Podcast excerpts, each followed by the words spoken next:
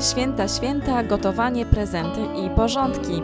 Ja się nazywam Kalina Mróz, to jest podcast Kanapowcy i dzisiaj razem z gościem opowiem Wam o serialach, y, dokumentach i programach, które warto oglądać do sprzątania. Czas idealny, bo pewnie jesteście właśnie w trakcie wielkich świątecznych porządków, także zapraszam. E, Znowu siedzimy w Gazeta Cafe, to jest ostatnia jakaś tradycja. E, Tym razem jest ze mną Małgorzata Steciak, krytyczka filmowa. Cześć. Cześć. E, Spotkałyśmy się tutaj, żeby porozmawiać w przedświątecznym szale o tym, co oglądać e, do sprzątania, bo to jest bardzo osobny gatunek, moim zdaniem, seriale do sprzątania. Zresztą właśnie my często o tym rozmawiałyśmy. Jakoś my z Gosią mamy tak, że jak się spotykamy i gadamy o serialach, to często pada takie zdanie, fajne to jest, znaczy to nie jest arcydzieło, ale takie do sprzątania. I stąd się zrodził pomysł, żeby właśnie o tym nagrać odcinek. E, Słuchaj, Gosia, no jakie kryterium powinien spełniać serial, żeby się nadawał do sprzątania? Bo ja się nad tym zastanawiałam przed naszym spotkaniem.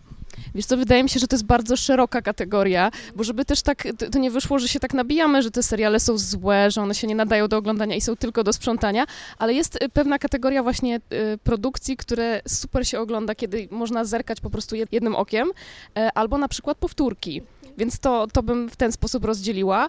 E, Chociaż zdarzają się też takie seriale tak złe, że po prostu kiedy trzeba je oglądać, to raz mi się zdarzyło, kiedy miałam obejrzeć pewien serial polski e, do, do wywiadu, to zostałam tak znudzona, że umyłam wszystkie okna w mieszkaniu, czego nie robię nigdy. Po prostu zdarza mi się to raz na dwa lata.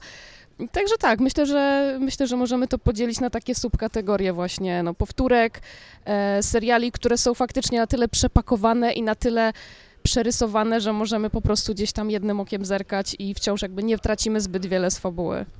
E, No tak, bo chyba też chodzi w nich o to, żeby nam trochę osładzały ten, to cierpienie związane ze sprzątaniem i ten wysiłek, więc chyba nie powinny być za ciężkie, że bo samo sprzątanie jest dość ciężkim zajęciem.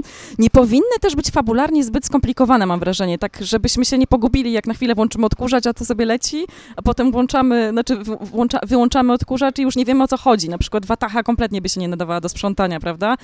E, więc jakoś takie rozciągnięte, mam wrażenie, fabuła w czasie i Albo seriale, które są tak napakowane, że jakby i tak nawet jeżeli odwrócisz wzrok na 5 sekund, to już się nie połapiesz. E, Takim serialem jest na przykład Riverdale. To jest mój ulubiony serial do sprzątania, do oglądania, kiedy jestem już zmęczona, kiedy właśnie mój mózg jest tak przepakowany bodźcami, że, że właśnie totalnie odpoczywam przy tym, bo tam się tyle dzieje. I te zwroty akcji są tak niesamowite, że kiedy próbowałam ostatnio koledze streścić ostatni sezon, to popatrzył na mnie jak na wariatkę. Mówię, co, naprawdę tam się dzieją takie rzeczy? I naprawdę na przestrzeni jednego odcinka mamy po prostu cały sezon mody na sukces. Więc nawet jeżeli po prostu przegapimy 10 sekund, to i tak już się nie, w tym nie połapiemy i potrzeba oglądać po prostu recapy po każdym odcinku. Natomiast jest to wspaniałe, bo tam są tak absurdalne rzeczy. Wszystko wychodzi na początku od kryminalnej intrygi i jeszcze jako tako się to spina, a później Później pojawiają się już takie po prostu e, pomysły, naprawdę rodem z największych telenoweli i operii mydlanych. E, zły bliźniak, który powraca z zagrobu, okropna macocha, jakaś po prostu sekta, e, śledztwo, które obnaża jakieś tajemnice rodzinne. Naprawdę tam się tyle rzeczy dzieje. I są też numery taneczne, są wspaniali, atrakcyjni młodzi ludzie, których można oglądać, jak na przykład myją samochody. Jest to naprawdę wspaniały serial do sprzątania, ale też właśnie do takiego oglądania, kiedy jest się bardzo przemęczonym, właśnie zresztą z moją koleżanką Martą Bałagą. Jeżeli słuchasz, bardzo pozdrawiam. Zaczęłyśmy razem oglądać zdalnie i uwielbiamy wymieniać się właśnie informacjami, co się absurdalnego wydarzyło w tym odcinku. Tak, to jest jeden z tych subgatunków seriali do sprzątania, które się pokrywają z guilty pleasure, z grzeszną przyjemnością. To jest absolutnie dobry trop, mam wrażenie. No i właśnie ja teraz y, sprzątałam y, przedświątecznie, to straszne, to trwa. I obejrzałam sobie na przykład, czego nigdy normalnie nie robię, bo w Netflixie jest teraz jakieś za, po prostu zatrzęsienie seriali świątecznych, takich straszliwych, hallmarkowych potworków. Y, Ja tego nie ruszam, bo nie jestem w stanie, to mi nie sprawia przyjemności, a jak uzgodniłyśmy jednak do sprzątania serial powinien sprawiać jakąś przyjemność. E, Ale znalazłam dwie pozycje, które obejrzałam i które mnie nie bolały. To znaczy naprawdę przyjemnie się to oglądało i właśnie są w sam raz takie, że no możesz sobie przegapić jakąś scenę i nie będziesz cierpieć z tego powodu, nie będzie ci smutno. E, Mam na, mam na myśli tutaj norweską produkcję Home for Christmas, czyli jakby nawiązanie do słynnej piosenki Chrisa Rii, prawda? Coming Home from Christmas, tak? E, I to jest taki sześciodcinkowy miniserial o dziewczynie 30-letniej, która y, boi się wrócić do domu na święta, ponieważ będzie jako singielka będzie wiedziała, że będą ją sadzać y, pośrodku między dziećmi, a wszyscy inni już się powiązali, mają dzieci, są w stanie małżeńskim, a ona jako jedyna nie. No i myślę, że wiele singielek zna ten problem. Rzeczywiście z prawdziwego życia to nie jest wydumana sprawa, że zawsze ten dziadek, babcia pytają, a kiedy ślub, kiedy o co chodzi, nie chcesz założyć rodziny, w czym jest twój problem i tak dalej. Jest to męczące.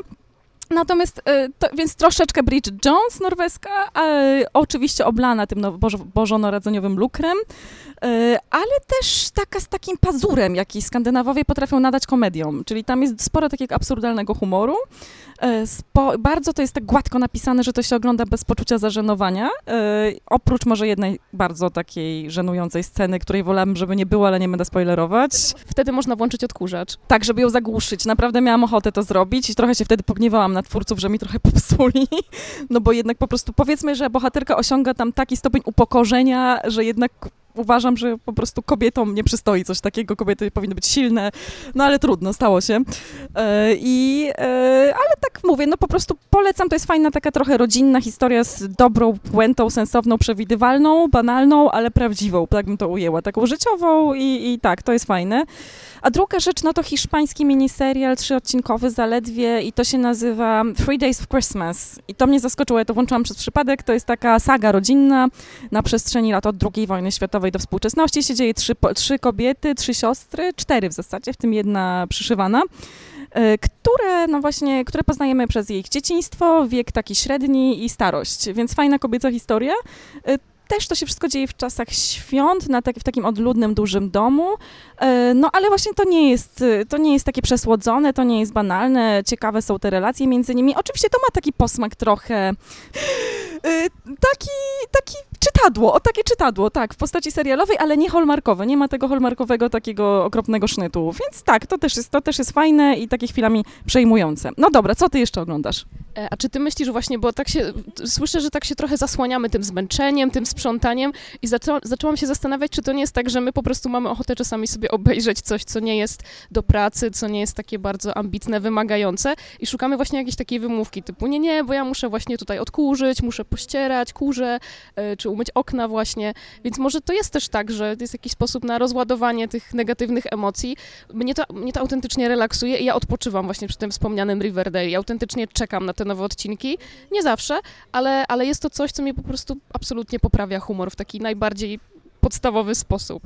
Nie, no oczywiście, że tak. Ja nawet muszę powiedzieć, że właśnie oglądanie takich lekkich seriali, yy, po prostu, które sprawiają przyjemności, które oglądamy dla odmurzdzenia w jakimś sensie i rzeczywiście, zwłaszcza jak my musimy zawodowo bardzo dużo oglądać i wysilać się intelektualnie non-stop yy, i szukać w swojej głowie jakichś głębokich przemyśleń na ten temat, to oglądanie takich seriali, które których no, nad interpretacją byłoby po prostu jakieś wielkie filozofowanie na ich temat, jest wielką przyjemnością dla, tak, dla takich widzów jak my, bo przecież my też jesteśmy tylko widzami, tylko ludźmi, y, my krytycy. Znaczy znam krytyków, którzy mówią, że oni w ogóle nie lubią oglądać rzeczy, które nie są arcydziełami i tak dalej, ale nie, no, do nich nie należy.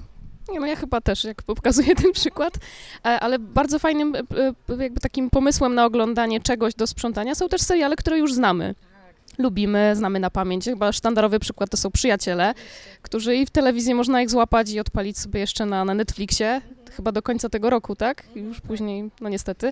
E, no bo wszyscy znamy te gagi, wszyscy znamy tych bohaterów. Zresztą można też na takim metapoziomie, bo jak wiemy, Monika miała obsesję na punkcie sprzątania i można tutaj jakby się wyścigować z bohaterką, czy, czy my jesteśmy tak samo e, wspaniale przygotowani do odkurzania i czy mamy mały odkurzacz do odkurzania dużego odkurzacza. To warto o tym pamiętać. Albo Parks Recreation, to też jest podobny serial, który też e, no, raczej wszyscy mogli już zobaczyć wcześniej, jakby te takie losowe odcinki, plus też można się poczuć zmotywowanym przez Leslie, żeby skończyć swoje e, wszystkie zadania wcześniejsze.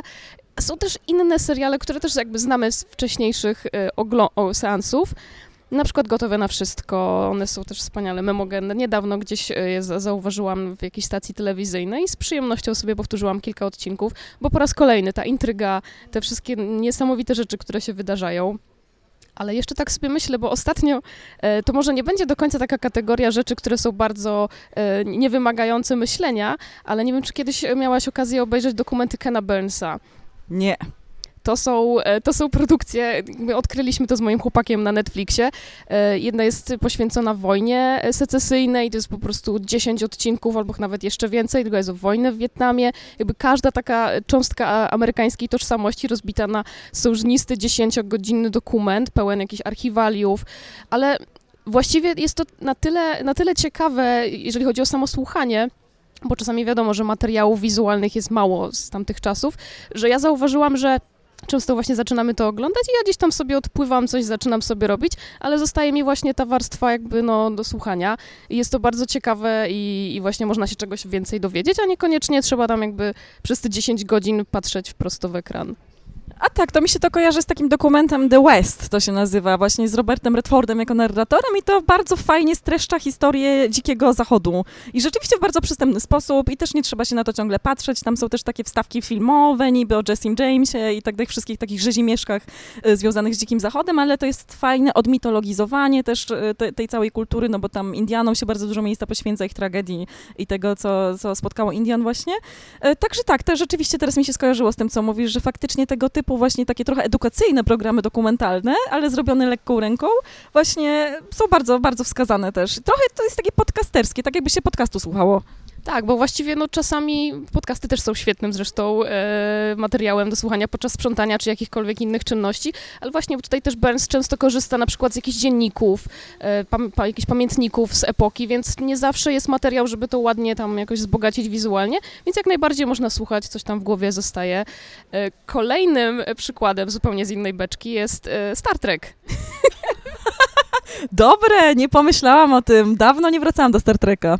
To jest też zasługa mojego chłopaka akurat, który ogląda teraz The Star Trek The Next Generation i ja tak zaczęłam się przyglądać jednym okiem na początku, ale to jest po prostu tak wspaniały serial, który owszem, no postarzał się oczywiście pod pewnymi aspektami, ale no tutaj Jean-Luc Picard, grany przez Patricka Stewarta, no to jest tak wspaniała kreacja i to jest naprawdę nieźle napisane. Są odcinki, które momentami są, naprawdę się wybijają tutaj jakościowo i bardzo jest takie podnoszące na duchu, że to jest serial, który pokazuje, że różne rasy mogą się dogadać między sobą, że wiedza, racjonalne myślenie, że właśnie jesteśmy w stanie ze sobą egzystować, ale też z drugiej strony, jeżeli tam gdzieś wyjdziemy na kilka minut, to za dużo z tej e, jakby fabuły nam nie umknie, ale też no, jestem zaskoczona, że się wkręciłam tak mocno, chociaż ja najbardziej lubię te odcinki, w których dzieją się jakieś absurdalne rzeczy, typu przyjeżdża matka jednej z bohaterek, Diany, która jest zakochana w Jean-Lucu, e, albo na przykład kapitan idzie na urlop i też jest zmuszony do tego, żeby odpoczywać, albo odwiedza swojego brata w winnicy. No jakby wszystkie te takie rzeczy, które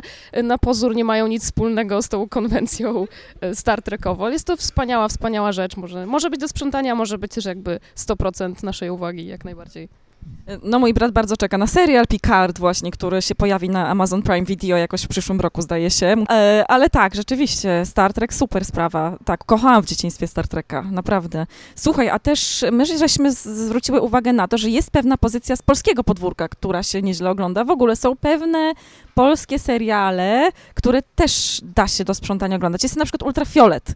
O, taki nie, czasami przez krytyków lekko wyśmiewany serial, ale naprawdę przy sprzątaniu sprawdza się znakomicie, ponieważ te takie absurdalne intrygi, y, które rozwiązuje główna bohaterka razem z grupą internautów, y, powiedzmy detektywów y, o nazwie Ultrafiolet, główna bohaterka tam prowadzi samo, jest kierowcą typu Uber, powiedzmy aplikacji typu Uber, o to mi chodziło.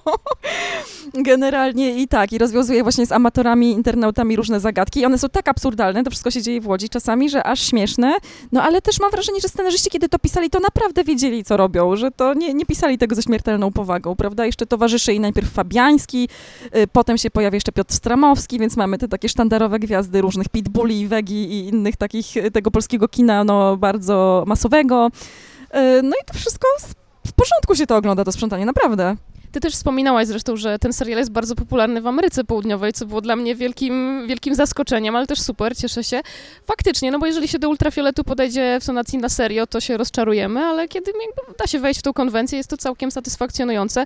W ogóle chyba te seriale, które właśnie dzielą się na, kiedy odcinki dzielimy na takie pojedyncze całości procedurale, dokładnie, albo seriale medyczne. To jest coś bardzo ciekawego, co można właśnie oglądać gdzieś tam, albo na przykład z rodzicami, kiedy się ich odwiedza przed tym przed, przedświątecznym szale i jedną ręką coś jeszcze przygotowujemy w kuchni, drugim, e, drugą stronę zerkamy w stronę telewizora.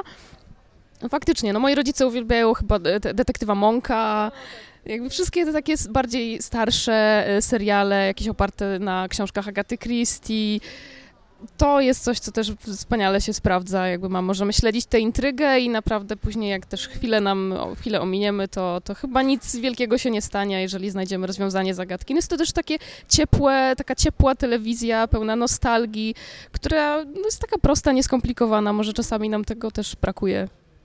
E, no tak, i tak w sumie na koniec, już kończąc powoli, no to e, zastanawiam się, czy twoim zdaniem na przykład Marvelous Mrs. Maisel, Wspaniała Pani Maisel to jest dobry serial sprzątania, ponieważ ja jestem właśnie, mam za sobą trzecią serię, dopiero co ją obejrzałam e, ciągiem, będę dzisiaj pisać recenzję.